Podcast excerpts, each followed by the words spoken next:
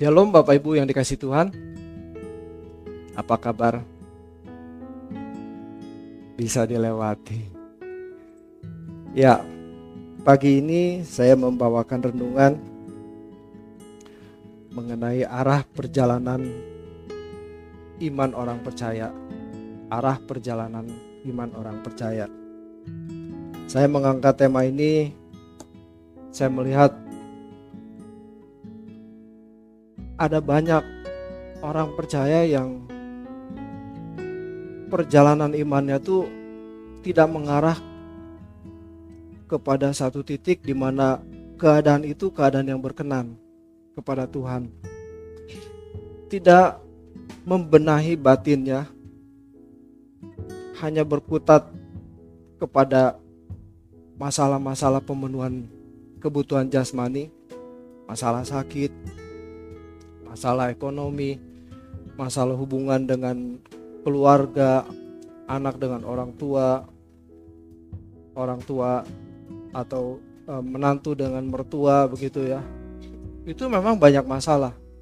Tetapi seharusnya dalam menghadapi masalah itu, kita mestinya bisa menangkap apa yang Tuhan ajarkan lewat masalah itu.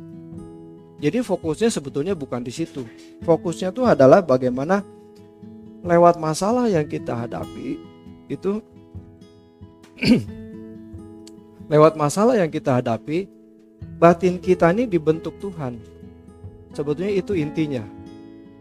Jadi lagu tadi mengatakan perkarakan dirimu. Apakah keadaan batin kita ini sudah berkenan kepada Tuhan atau belum? Nah, saya mau membaca dulu di Roma pasal 8 ayat yang ke-29. Roma 8 ayat yang ke-29. Roma pasal 8 ayat yang ke-29 berbunyi demikian. Sebab semua orang yang dipilihnya dari semula, perhatikan ada kata semula di situ ya. Mereka juga ditentukannya dari semula.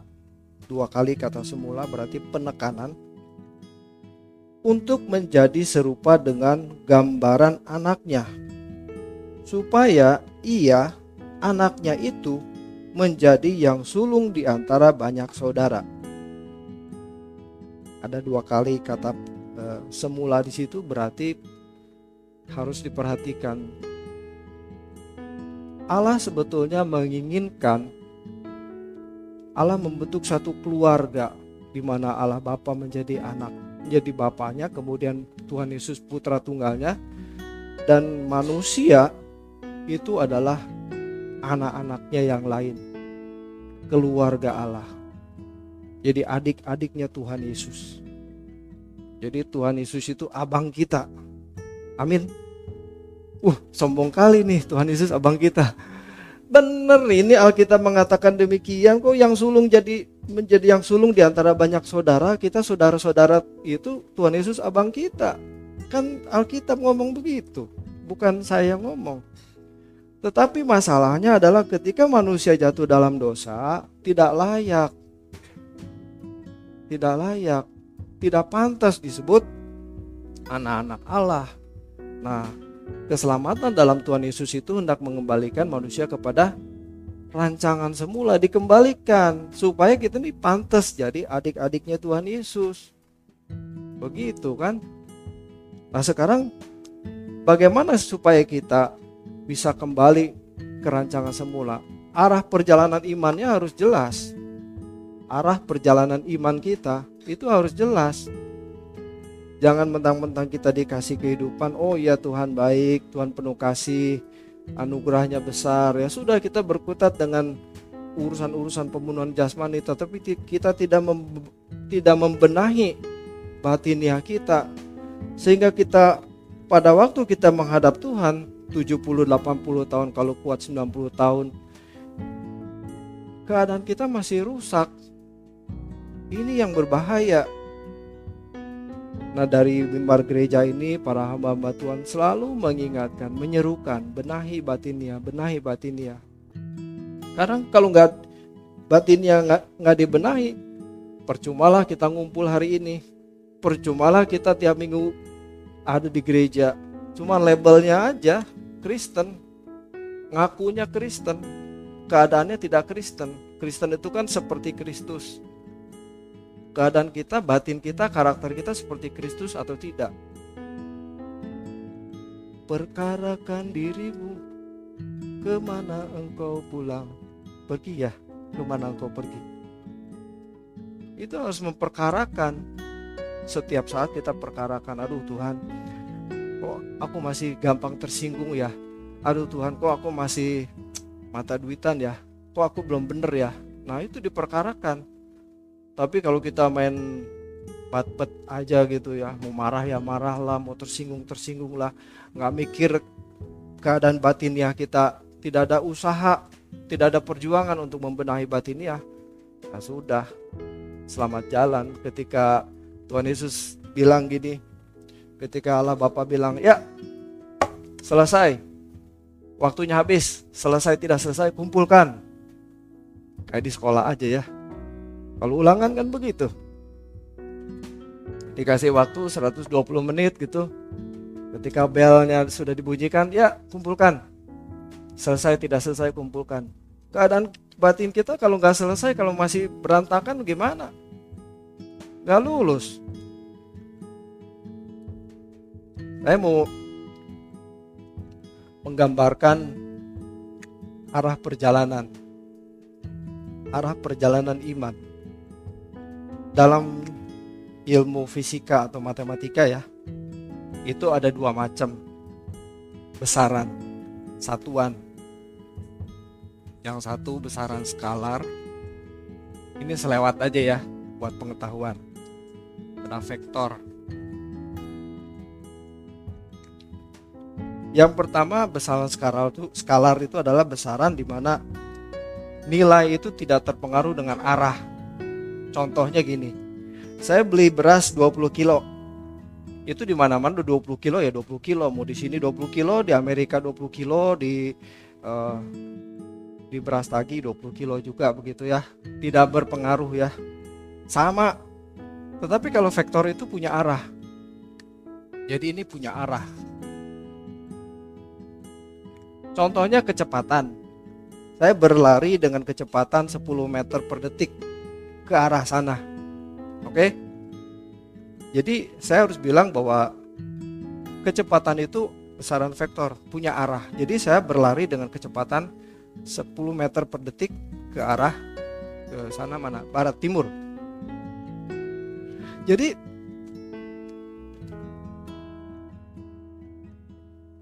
Jadi kalau seorang lomba e, mengikuti lomba lari, dia harus tahu arahnya. Betul? nggak bisa misalnya lomba lari startnya di sini finishnya di sana begitu. Dia lari walaupun larinya lebih cepat misalnya si A bisa lari 10 meter per detik si B larinya 2, 15 meter per detik. Belum tentu si B bisa menang. Belum tentu ya. Karena dia harus tahu arahnya ke mana. Oh finishnya di sana. Berarti larinya ke sana jangan si A larinya 10 meter per detik dia cepet Si B lari, wah tenang aja lah. Dia cuma bisa 10 meter per detik, saya 15 meter per detik, lebih cepat. Tapi si B larinya ke sana. Menang nggak? Enggak, pastilah. Jadi kalau startnya di sini ya, sini start, arahnya harusnya ke sana begitu ya. Finishnya di sini. Sini finish. Ini si A larinya ke sana. Tapi si B larinya ke sini. Walaupun si B bisa ke, lebih lari bisa lebih cepat dari si A, tapi dia kalah karena finishnya di sini. Nah, ini cuma gambaran saja. Gambaran saja bagaimana sebetulnya iman orang Kristen itu punya arah. Punya arah. Enggak sembarangan. Enggak sembarangan jadi orang Kristen oh yang penting tiap minggu ke gereja yang penting uh, tidak berbuat kriminal tidak melanggar moral tidak melanggar etika. Nggak cukup. Arahnya ke mana? Kita baca lagi yang tadi ya. Coba tampilkan lagi yang tadi. Ayat yang kita baca. Sebab semua orang yang dipilihnya dari semula jadi ini rencana yang di yang di yang diinginkan oleh Bapa di surga ya. Dipilihnya dari semula, mereka juga ditentukannya dari semula untuk nah ini kan untuk berarti ada tujuan ya. Tujuan ada kata untuk di situ. Serupa dengan gambaran anaknya supaya ia anaknya itu Tuhan Yesus ya menjadi yang sulung di antara banyak saudara.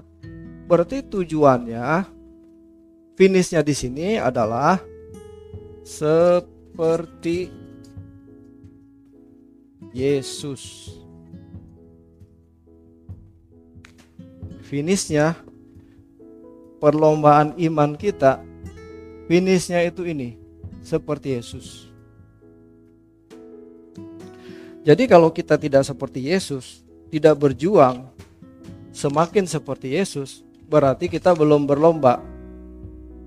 Perjalanan iman kita mungkin masih salah, arahnya salah, tidak seperti Yesus. Jadi ini sebetulnya gambaran ya. Kalau di zaman bangsa Israel itu itu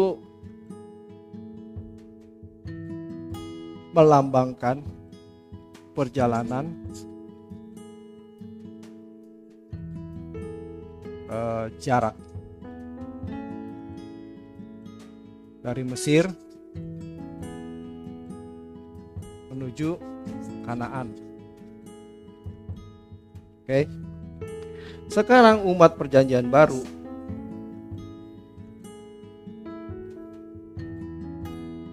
ini yang harus kita perjuangkan yaitu perjalanan perjalanan perubahan. Perubahan dari apa? Dari kodrat dosa, kodrat manusia menjadi kodrat ilahi atau yang tadi saya tulis itu seperti Yesus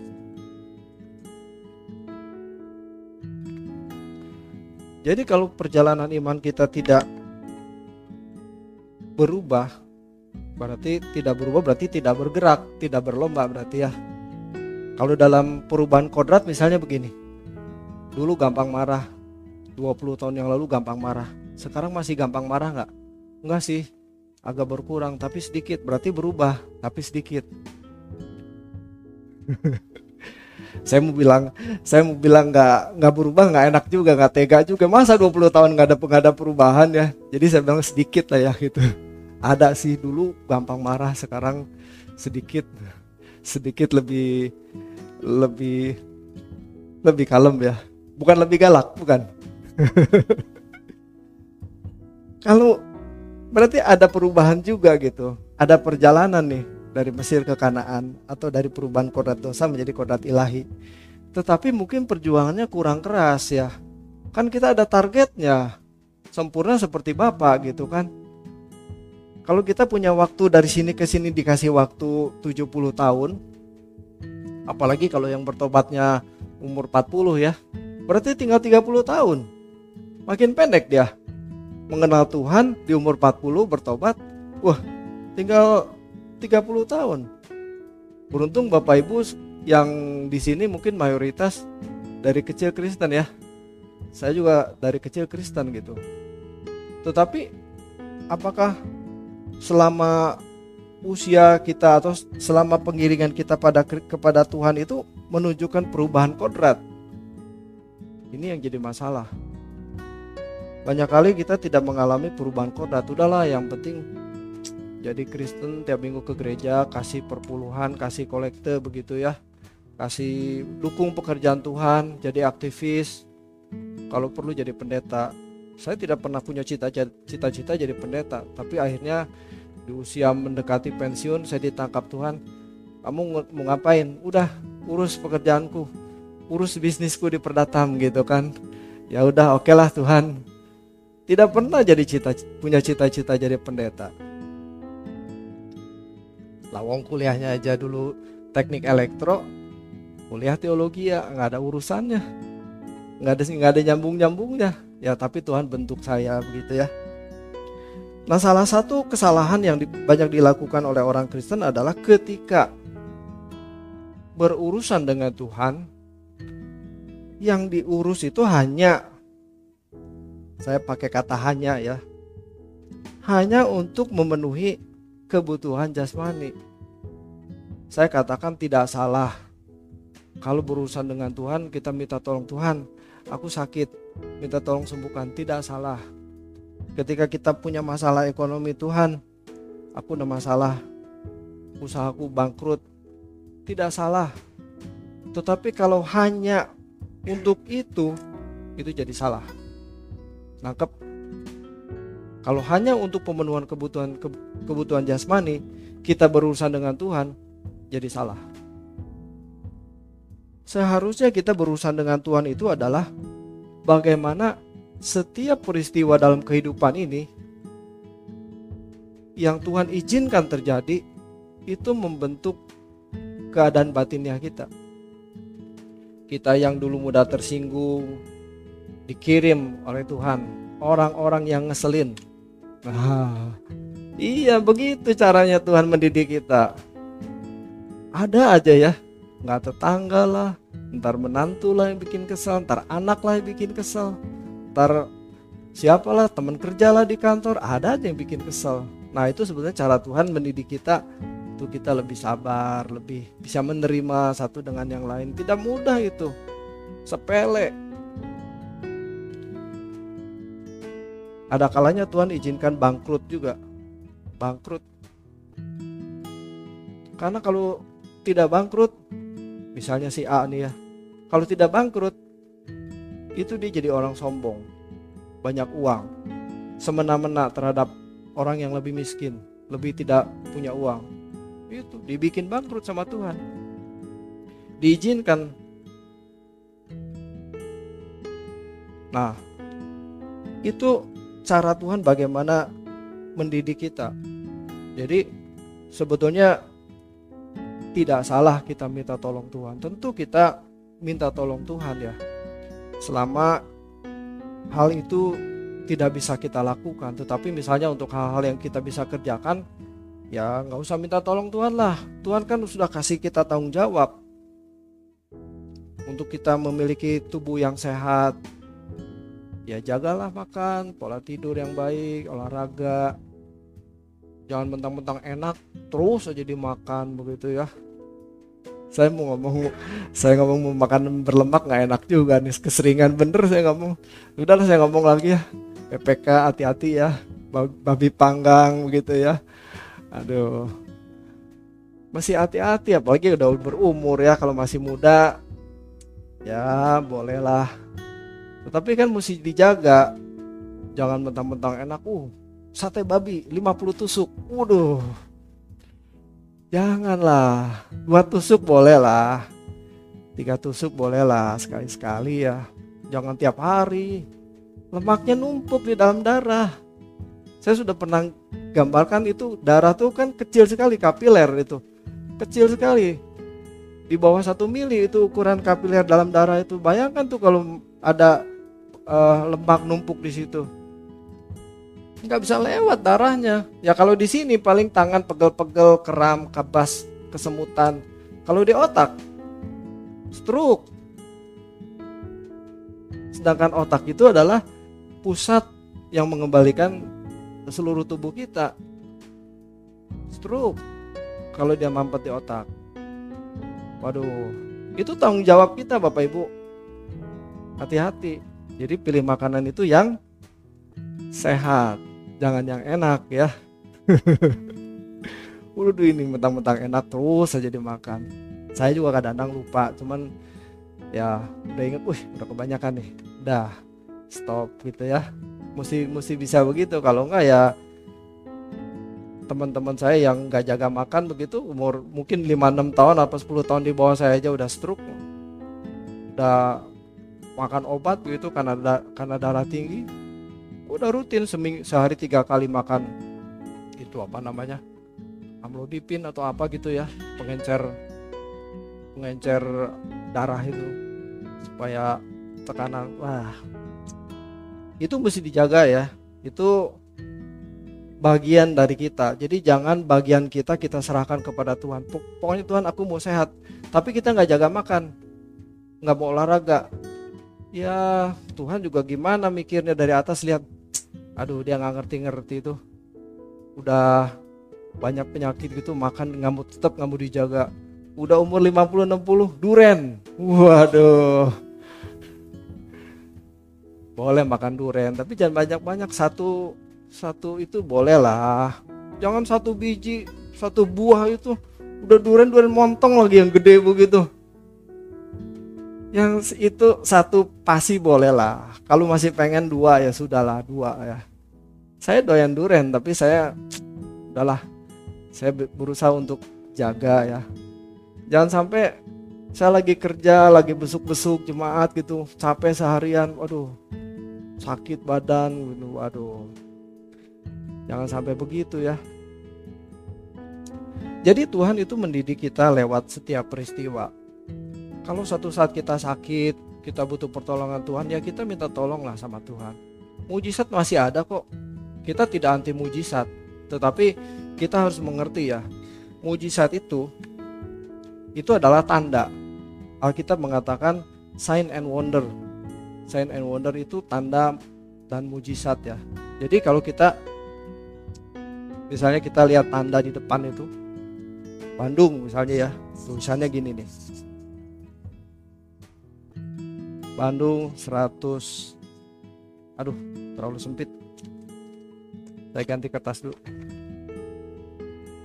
Saya dikasih tahu teman-teman pak kalau nulis jangan sempit-sempit begitu dong jelek jadinya. Nggak apa-apa kertas udah gitu jadi kelihatan pelitnya. Jadi gini. Misalnya bapak ibu lihat tanda lalu lintas gitu ya. Bandung 120 km arahnya ke sana oke okay? ini tanda lalu lintas ini tanda tanda ya apakah ini sudah nyampe Bandung atau belum? Belum. Lawang nama juga tanda gitu. Alkitab mengatakan mujizat itu adalah tanda. Oke? Tanda supaya apa? Orang-orang Israel pada waktu itu itu kan ngertinya Tuhan Yesus itu anak tukang kayu. Lawang kita tahu bapaknya siapa? Kita waktu dia kita tahu waktu dia lahir maknya siapa begitu kan? Kok dia bisa ngaku-ngaku Tuhan? Ngaku-ngaku anak Allah? Nah, makanya Tuhan Yesus mengadakan tanda mujizat, mujizat. Tetapi buat kita yang sudah tahu dari kecil sudah Kristen tahu kan Yesus anak Allah. Perlu mujizat nggak? mau bilang nggak perlu gimana? Mau bilang nggak perlu juga salah juga. Ya, intinya begini Bapak Ibu ya setelah kita memahami bahwa Tuhan Yesus itu adalah anak Allah, kita perlu berubah menjadi seperti Tuhan Yesus. Ingat ya, arah perjuangannya itu adalah seperti Yesus. Kalau kita tahu nih Bandung ke sana 120 km, terus kita mau diam di sini terus? Enggak. Kan kita mau ke Bandung. Oh, ke sana. Oh, sana. Ya udah kita jalan ke sana. Jangan diam di sini terus. Ini belum nyampe masih jauh gitu loh nangkep jangan kita udahlah itu buktinya Allah mengasihi kita kok ini saya sakit aja sembuh minta Tuhan sembuhkan Tuhan sembuhkan kok berhenti sampai di situ imannya tidak berubah imannya tidak mengalami perubahan dan batinnya tidak diubahkan apa kalau kalau orang disembuhkan dari sakit penyakit terus uh, karakternya berubah? Tidak. Tidak. Yang mata keranjang mah tetap aja mata keranjang. Yang mata duitan mah tetap aja mata duitan. Itu harus lewat proses, harus lewat perjalanan ini. Dia harus jalan, berubah terus dari dari ke hari. Baru dia bisa mencapai goalnya seperti Yesus. Nangkep ya Bapak Ibu ya. Wah ini Makin lama jadi jadi orang Kristen makin susah ya. Makin susah, memang susah. Siapa yang bilang jadi Kristen itu gampang?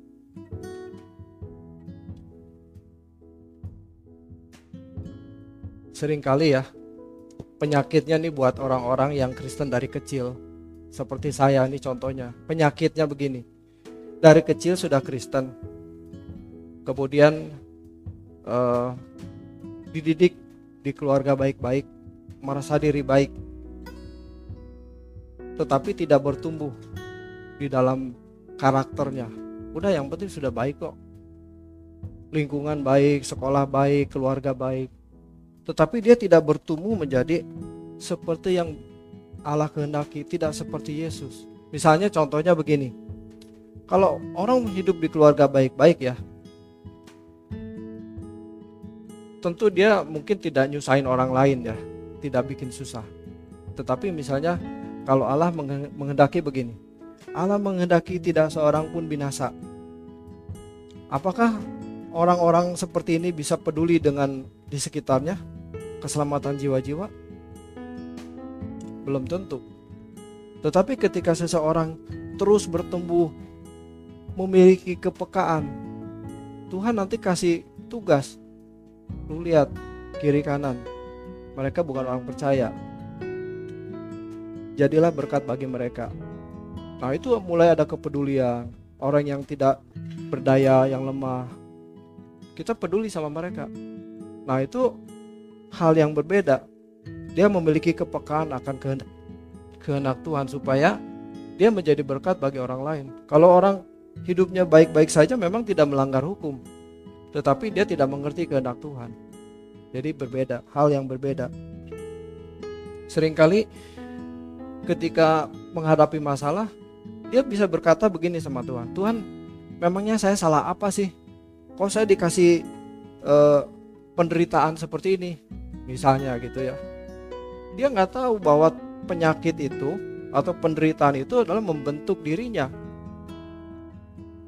Tetapi kalau kita terus bergumul ya sama Tuhan itu pasti ada pelajaran-pelajaran ada berkat-berkat rohani yang Tuhan sediakan. Dulu ada satu lagu coba ya, kunci E. Dulu ada satu lagu yang uh, kasih Tuhan tak berkesudahan. Tak habis habisnya rahmatnya selalu baru selalu baru setiap pagi baru setiap pagi besar setiamu Tuhan besar setiamu Berkat apa yang Tuhan sediakan bagi kita setiap hari? Berkat rohani, berkat jasmani juga. Tetapi bukan hanya berkat jas, eh, berkat jasmani saja. Ada berkat rohani kita harus melihat bahwa setiap peristiwa yang kita alami itu adalah cara Tuhan mendidik kita. Kalau di sekolah itu istilahnya kurikulum ya, ada kurikulumnya. SD kelas 1, kelas 2, kelas 3 itu kurikulumnya berbeda, makin lama makin susah. Betul? Atau kita bilang SMP lebih gampang dari SD. Wah, salah dong kalau kayak gitu. Makanya saya bilang jadi orang Kristen makin lama makin susah. Dengar khotbah kok makin lama pelajarannya makin susah ya? Emang makin susah. Kalau terasa makin susah berarti kita nih sedang sekolah. Sekolah kehidupan Bapak Ibu. Kita mesti mesti mengamati memeriksa kondisi batin kita. Kalau kita jadi orang Kristen makin lama makin gampang makin santai. Oh Tuhan berkati aku. Oh Tuhan peliharakan aku. Memang Tuhan peliharakan. Tetapi kalau terasa makin lama makin gampang ada yang salah pasti dalam pengiringan kita kepada Tuhan sekolah aja makin lama makin susah apalagi udah SMP SMA kuliah lagi S1 S2 S3 kalau makin gampang pasti salah pengiringan kita kepada Tuhan tuh pasti salah.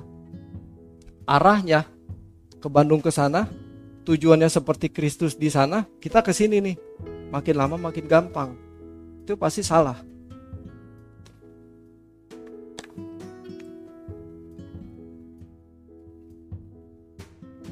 Sekarang bagaimana supaya kita bisa memiliki arah yang benar?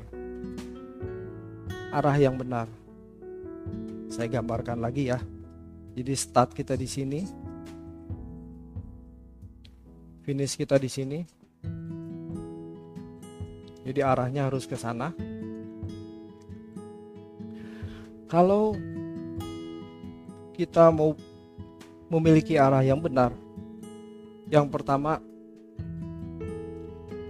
ubah rutinitas kita. Ini tentu Bapak Ibu yang sering mendengarkan Truth ID, Pak Eras yang uh, membawakan renungan, tentu sering ini. Tapi saya ulangi, saya, saya ulangi lagi supaya kita nyambung dengan arah ini. Rutinitas kita mesti dirubah Bapak Ibu.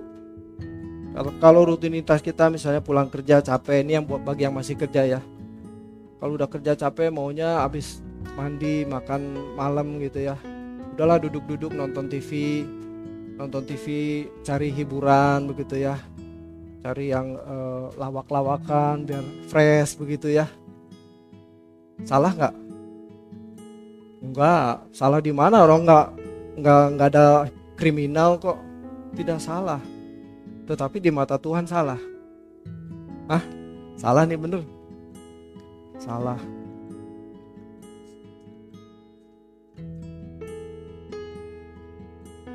Saya ulangi. Kata dosa kata dosa dalam teks aslinya tuh hamartia. Hamartia itu tidak mengandung unsur kejahatan. Jadi yang Tuhan Yesus katakan mengenai dosa itu hamartia itu nggak ada unsur kejahatannya. Tetapi tidak tepat, tidak tepat seperti yang Allah kehendaki. Jadi saya bilang kalau pulang kerja malam-malam udah capek sepanjang hari beraktivitas udahlah kita nonton TV dulu relax relax ya. Buang waktu 2 jam 3 jam sebelum kita tidur. Memang tidak melanggar hukum. Melanggar hukum apa lah mau nonton TV di rumah. Tetapi tidak tepat seperti yang Allah kehendaki. Kalau Allah menghendaki persekutuan dengan anak-anaknya berilah waktu kita untuk Tuhan. Bayangkan kalau bapak bapak ibu punya anak di rumah sudah kerja misalnya ya. Pulang kerja dia cuma datang ke rumah cuma hey ma hai hai pap. Udah dia uh, mandi kamar terus uh, masuk kamar.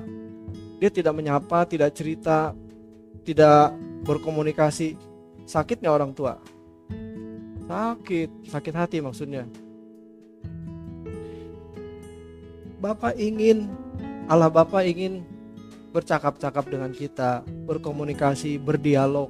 Jadi doa itu dialog ya. Jadi kita mesti mengubah rutinitas kita supaya kita bisa sampai ke garis finish ini. Ubah rutinitas kita, sediakan waktu lebih banyak untuk Tuhan. Apalagi buat Bapak Ibu yang sudah pensiun ya, yang punya punya waktu lebih banyak. Ya siang-siang kalau udah udah nggak ada aktivitas, janganlah ngerumpi di tetangga, Jangan, doalah. Cari Tuhan, dengerin khotbah. Khotbah-khotbah yang direkam itu ya. Seperti misalnya khotbah-khotbahnya Pak Eras di Truth ID atau di uh, YouTube channel kita GSKI Perdatam. Itu juga tetap masih ber apa masih menjadi berkat gitu walaupun itu udah setahun yang lalu. Saya kadang-kadang kalau ada waktu saya sudah saya, saya dengerin lagi khotbah pendeta-pendeta yang khotbah di sini. Walaupun udah setahun yang lalu tetap itu masih masih punya nilai yang mengubah gitu loh. Ada berkatnya di situ gitu. Jadi sediakan waktu untuk Tuhan. Pagi doa pagi jam 5 jangan sampai lewat jangan sampai terlambat.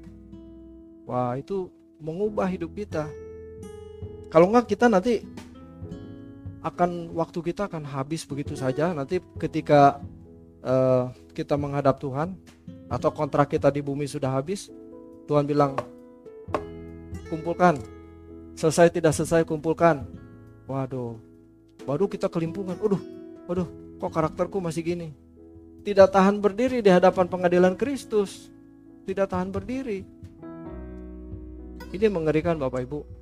Mengerikan. Saya aja sebagai hamba Tuhan, sebagai pendeta, aduh, berjuang. Jangan dipikir saya ngomong begini nilainya sudah bagus. Berjuang. Kita sama-sama berjuang kok. Cuma bedanya saya disahkan sinode aja jadi pendeta. Kalau nggak disahkan juga saya duduk di situ dengerin hamba Tuhan yang khotbah di sini sama kita sama-sama kok Amin ya Bapak Ibu ya. thank you